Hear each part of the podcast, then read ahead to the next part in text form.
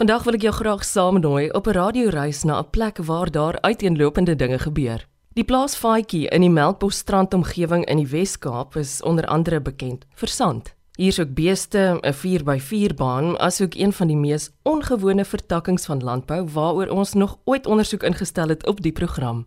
Met my aankoms daar word ek hartlik verwelkom deur 'n lang blonde vrou met innige blou oë. Die uitsig van 'n haar stoep is van so 'n aard dat jou oog nogal kan spoed optel. En die onderdak braai area is vol woelige werfhoenders. Mens kan jou indink is gaaf om daar uit te span. Sy stel my voor aan haar seun en haar vier natneuse en die middag staan opgeteken as een van my gunsteling journalistieke avonture nog. Die ooglopende vriendskapsband tussen haar en haar kinders laat skryf my my eerste nota. Uh, my ouers het hierdie plaas in die middel 80s dink ek het hulle hiernatoe getrek maar ek bly nou 23 jaar. En ek het nou eendag met 'n vriendin van my gepraat en kom ons tot die slotsom. Dis omdat ons ons kinders so groot gemaak het dat ons nie sit met kinders wat probleme het nie. En my seun vandag, hy's 'n ongelooflike pa, hy het self twee kleintjies nou. Ek weet ek is nou 64 al ja. Ek is so trots op hulle want hulle hulle staan absoluut uit as mense. Ons sit uh so plus minus 30 km buite 35 tot 40 miskien buite Kaapstad. En die plaas is so 1000 hektaar. Ons sit tussen Melkbosstrand en Philadelphia. Ja, dis nie 'n vreeslike goeie boerderygrond wat ons het nie. Dis hoofsaaklik sand. Maar dit het ook sy voordeel dat dit was amper in 'n sekere mate die plaas se redding dat ons hierdie myn op die plaas het. En uh dan ek weet ek het die voordeel ook as ek hier by my venster uitkyk kan ek die see sien. As ek soggens hier buite sit en koffie drink, dan kyk ek in Tafelberg vas. Maar jy sit so na aan alles. Alles wat jy nodig het is by jou. En dit is 'n kwessie van 20 minute en ek is by die naaste hospitaal of 10 minute en ek is by enige winkel waar ek wil wees so. Etie Stoffberg Welleman van die plaas Faatjie durf die lewe onverskrokke aan. Oor die plaas se naam sê sy die volgende: Die plaas, ehm um, hy het eers aan het oor sy, ek weet nie, een of ander verskriklike Hollandse naam gehad.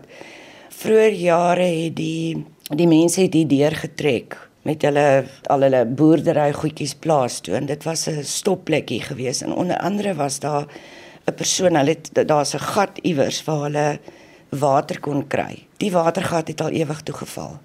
En toe die ou 'n wynvaatjie, maar dis blykbaar daar was een of ander soeterige wyn in. Maar hy het hierdie vaatjie gesink in die gat sodat daar altyd water in die water skoon kan bly. En toe die ouens onder mekaar waar span jy vanaand uit? Nee, daar by die faadjie en toe die plaas nou later die naam faadjie gekry. Ja, en dan ook die 4x4 roete wat hier by ons is, is juis as gevolg van die ou trekpad wat hier deur gekom het, is dit die is dit die naam van die 4x4 roete nou. Uh my oudste broer hanteer die boerdery en uh dan my suster wat in Durban is, sy hanteer al die administratiewe goed. Ehm um, ek het op 'n stadium was ek die minister van waterwese want ons water is verskriklik sleg op hierdie plaas. Dis nie net sout nie, maar dis verskriklik ryk aan yster ook. So dit oksideer maklik, alles roes. Hoewel die beeste is mal oor die water, maar selfs jou plastiek raak bros, al jou pype verstop. So jy weet klampe en goed moet gereeld vervang word. Nou met al hierdie beerdkrag wat ons het, as die pompe nie loop nie, ons kan nie sonpanele gebruik nie. So ons is afhanklik van Eskom daarvoor. So ons het baie ekstra tanke wat ons moet vol water hou vir as daar 'n krisis is. Daar moet iets wees vir die beeste. Beeste drink 35 tot 40 liters op 'n slag en hulle kan tot 3 keer in 3 keer 'n dag kan hulle water drink. Hulle gaan ook nie een een na krip toe nie. Jy weet die hele trop is daar, so hulle syp daai tanke in chop chop leeg. Ons het vleisbeeste en dan het ons dit is 'n Brahman kruising en dan saai ons koring, canola, haver, ja, so 'n bietjie rog ook en dit is basies dit. Stel jou voor iemand vertel van 'n plaas waar daar met sand geboer word. Wel jy kan nie met sand boer nie, dit is dis nou maar 'n gawe wat daar is. En soos ek sê, jy weet mense sê ons boer seker in die slegste deel van waar mense kan probeer landbou toepas my uh, oudste broer het van hierdie ouens wat in die bedryf is gekontak en hulle het kom kyk en het gesê dit is merkwaardige goeie sand wat ons het. Wie wil sand hê? Maar in elk geval En dit het eintlik die plaas se redding geraak lanktermyn. Want uh op 'n stadium ek het vir jou genoem my broer is oorlede en my pa dis asof hy sy lus vir die lewe ook verloor het en dis toe my oudste broer besluit het maar hy gaan betrokke raak uit uit 'n ongelooflike besigheidskop op hom. Hy's baie goeie beplanner ook. En toe het ons stelselmatig die sandmyne, hulle hoender aan die gang gekry. Hulle betaal ons uh, per kubieke meter 'n sekere bedrag wat nie vreeslik baie is nie, maar hulle dra al die, sal ek amper sê, die laste met die vervoer en dis meer.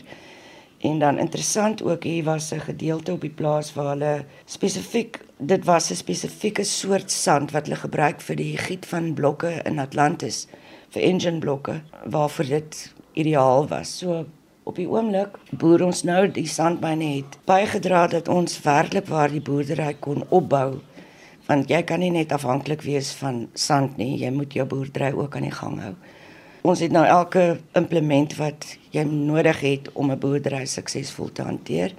En dan ook ons is van die min mense wat kan sê met die genade van God, ons het nie 'n sent skuld nie. Ons het nie enige rekeninge by enige plek nie. As 'n ding gedoen word, word daar ou betaal. So dit is 'n groot verandering van heelwat jare gelede. Sou jy kon dink dat films en boerdery heelwat met mekaar te doen het? En nou praat ek nie van Babe of Legends of the Fall nie. Internasionaal vrygestelde flieks en bekende Netflix-reekse is op die plaas Faatjie geskiet. Luister hierna. Dit het ook so, jy weet niemand het dit geadverteer nie, maar jy kry mense wat hulle soek 'n spesifieke 'n spesifieke look, as ek dit so kan stel, of 'n spesifieke terrein. Dan kom mense dan sê hulle maar hulle soek 'n ou, dan sê ek jong heerlikheid, die goed val uitmekaar het. Sê hulle maar dis wat ons wil hê. En ek het al die ongelooflikste ondervindings hier gehad met films wat gemaak is. Hulle het byvoorbeeld wat vir my na in die hart is, waar ek verskriklik baie geleer het, was 'n film met die naam van Darfur. Ek weet nie of julle of jy die geskiedenis van Darfur ken in Suud-Sudan nie. Hulle het 'n volledige Afrika stad gebou met die jy weet met die moddermure, met die die rietdakke of takdakke Hulle het tot ek weet nie hoeveel ton rooi sand ingebring om dit autentiek te laat lyk en ehm um, hulle het selfs vlugtelinge uit Sudan het hulle gehad op stel wat extras was wat in die film gespeel het. En ek sal nooit vergeet nie die een ou wat daar was. Hy was soos die hoofman van die dorpie. Toe hy die dag op die stel kom en dit was 'n massiewe dorpie wat hulle gebou het. Toe gaan sak hy op sy knieë en hy en hy was in trane. Toe sê hy dis asof hy in sy plekkie instap of in sy dorpie instap. En ek het baie geleer oor die geskiedenis daaroor hoe die die mense uitgemoor word daar en jy weet wat wat ek nie werklik kennis van gedra het nie. Maar dis nou 'n sad storie. En dan het hulle hier uh wat 'n baie bekende reeks is is The Crown. Hulle het onder andere het hulle 'n gedeelte waar die koningshuis of die hulle was oor Australië toe om plase daar te besoek. Dit hulle daai gedeelte kom skiet hier by ons ook. Hulle het ons arme beeste mal gejaag in die ronde en en dit was nou so genaamd Prins Philip se park kan nie onthou weet nie sy so groot royal aanhanger nie. Hulle het Fall of a City Troy het hulle groot gedeeltes hier geskiet. Toe het hulle 'n hele Griekse dorpie het hulle weer hier onder ook in 'n gat iewers gebou. En as hulle nie op stel was, het ons altyd gaan kyk. Dit dit was die mooiste, die detail in die ongelooflik mooi. En uh, dit is wat ek hou daarvan is om hierdie die mense se absolute hulle kunsinnigheid en hulle visie in in hoe hulle uit niks uit 'n ding kan bou wat lyk so autentiek en dan is dit hierdie klipmure en rotse en dan kap jy dan teen en dan is dit hol van binne. Heidiglik is hulle nou besig met ook 'n geskiedkundige reeks oor die Tweede Wêreldoorlog. En soos ek vir jou gesê dit is die ouens kom hier aan dan sê hulle hulle soek iets en dan en behalwe die klomp is daar nog hoop ander wat hier gebeur het maar jy weet jy kan baie keer is net 'n klein dingetjie in maar dit is konstant aan die gang. Ek meng nie rare ek is nou een van daai mense bly maar liewers jy sien hulle so op 'n afstand. Hier was 'n paar bekende mense almal Ja nee, wat ek assosieer nie graag. Ek is maar beweeg onder die radar as ek dit so mag stel verkieslik. Soos ek sê dit af dit hang alles af van waarvoor hulle soek. Ek weet hulle soek baie keer vreeslik glamorous settings. Daar's ook 'n moontlikheid binnekort dat hulle die ou plaashuis wat leeg staan gaan gebruik vir nog 'n film wat hulle wil doen. 'n Bekende storie. Dit klink asof dit uitsteek, hulle moet net die regte akteurs kry. O, ehm um, ek weet nie of jy Terry Pratchett se goed ken nie. Um, hulle het 'n reeks geskiet Good Omen. Toe hulle hier agter het hulle 'n dorp gebou wat soos 'n Afrika, nou nie 'n stad nie, maar jy weet jou tipiese soos wat jy in Mosambiek sal sien. Wat jy deur 'n dorpie ry, dis meer singplate en hier verkoop 'n oue klomp karwiele en hulle het 'n volledige ding daar gebou. Daar was tot 'n vliegtyg. Daar was 'n kroeg gebou terwyl hulle van Stella was het ek en my kiddies daar gaan pool speel in hierdie plek. En toe uiteindelik toe die reeks klaar is en ons gaan soek waar is ons plaas nou? Ek dink dit was nie eers 2 sekondes nie. En dit was dit. Dit moes hulle miljoene gekos het. Ek weet dit is nie 'n groot inkomste werklik nie, maar uh, dit is soos hulle sê money for jam. Dit kan weer 'n nuwe ietsie iewers of 'n gat toe stop iewers. En dan iets wat wel 'n baie groot voordeel vir ons is, is die feit dat ons so na in Kaapstad is want hulle het in die filmbedryf ek dra nie soveel kennis nie dis nou maar die tyd wat ek nou geleer het terwyl ek met hierdie ouens werk dat sodra hulle verder as 'n sekere afstand van hulle basis sê net maar vanaf Kaapstad waar hulle kantore is moet werk dan moet die extras of die akteurs se fooie word opgestoot in ons val net binne daai daai radius wat ook 'n voordeel is. So as hulle iets hier kan doen, dan kom hulle graag hiernatoe. Het die woonvrou alleen in haar plaashuis, maar dit kom er haar allermins. Ek het nie 'n bang haar op my kop nie. Ek het my elektriese heining wat ek aangeskaf het. Ek het my honde en dit sê ek in alle eerlikheid, ek voel veiliger hier as wat ek sou voel as wat ek in in 'n stad sou gebly het. Want as iemand hiernatoe kom om iets aan jou te doen, dan het jy al daai voorsorgmaatreëls. Jy's meer bewus van en ek is ongelooflik opgelei in die hantering van vuurwapens. Jy, jy kry ook soveel mense wat ja, jy te vuur as jy nie weet om 'n om jouself te beskerm daarmee nie in wat die reëls en die reg en wat die wette is nie. Dan grawe jy 'n gat vir jouself. En dit help ook nie jy besit 'n vuurwapen wat in 'n kluis toegesluit word. Die oomblik as iemand aan jou deure ruk en pluk, dan gaan jy in panic mode. Jy vergeet waar jou sleutels is van jou kluis. Jy kry nie eers daai sleutel in jou slot nie. So hy's altyd op my armlengte van my af. Jy sleers weet waar hy op hierdie stadium is, die meisie iewers. Die vier voete laat ons nie vir 'n oomblik alleen nie. Elkeen van hulle is ook 'n hondehoofstuk op sy eie. Nou, die oudste enetjie, dis Spike. Voor jy hy is in 'n omgewing van 18. Ek weet sy daar is min, maar ek kan dit nie oor my hart kry nie. Hy is nog gewillig en hy is opgetel in Kayamandi in Stellenbosch.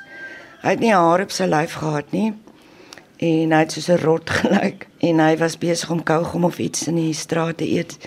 Toe my broer se dogter op daai stadium was sy sy het geswat op Stellenbosch. Kry ek 'n oproep tannie het hy tannie het hy wil tannie 'n hond hê. Sê ek fooi tog Josha. So daar was nommer 1 en daar's klein Buckley en ek my seun se hond maar toe hy nou aanbeweeg.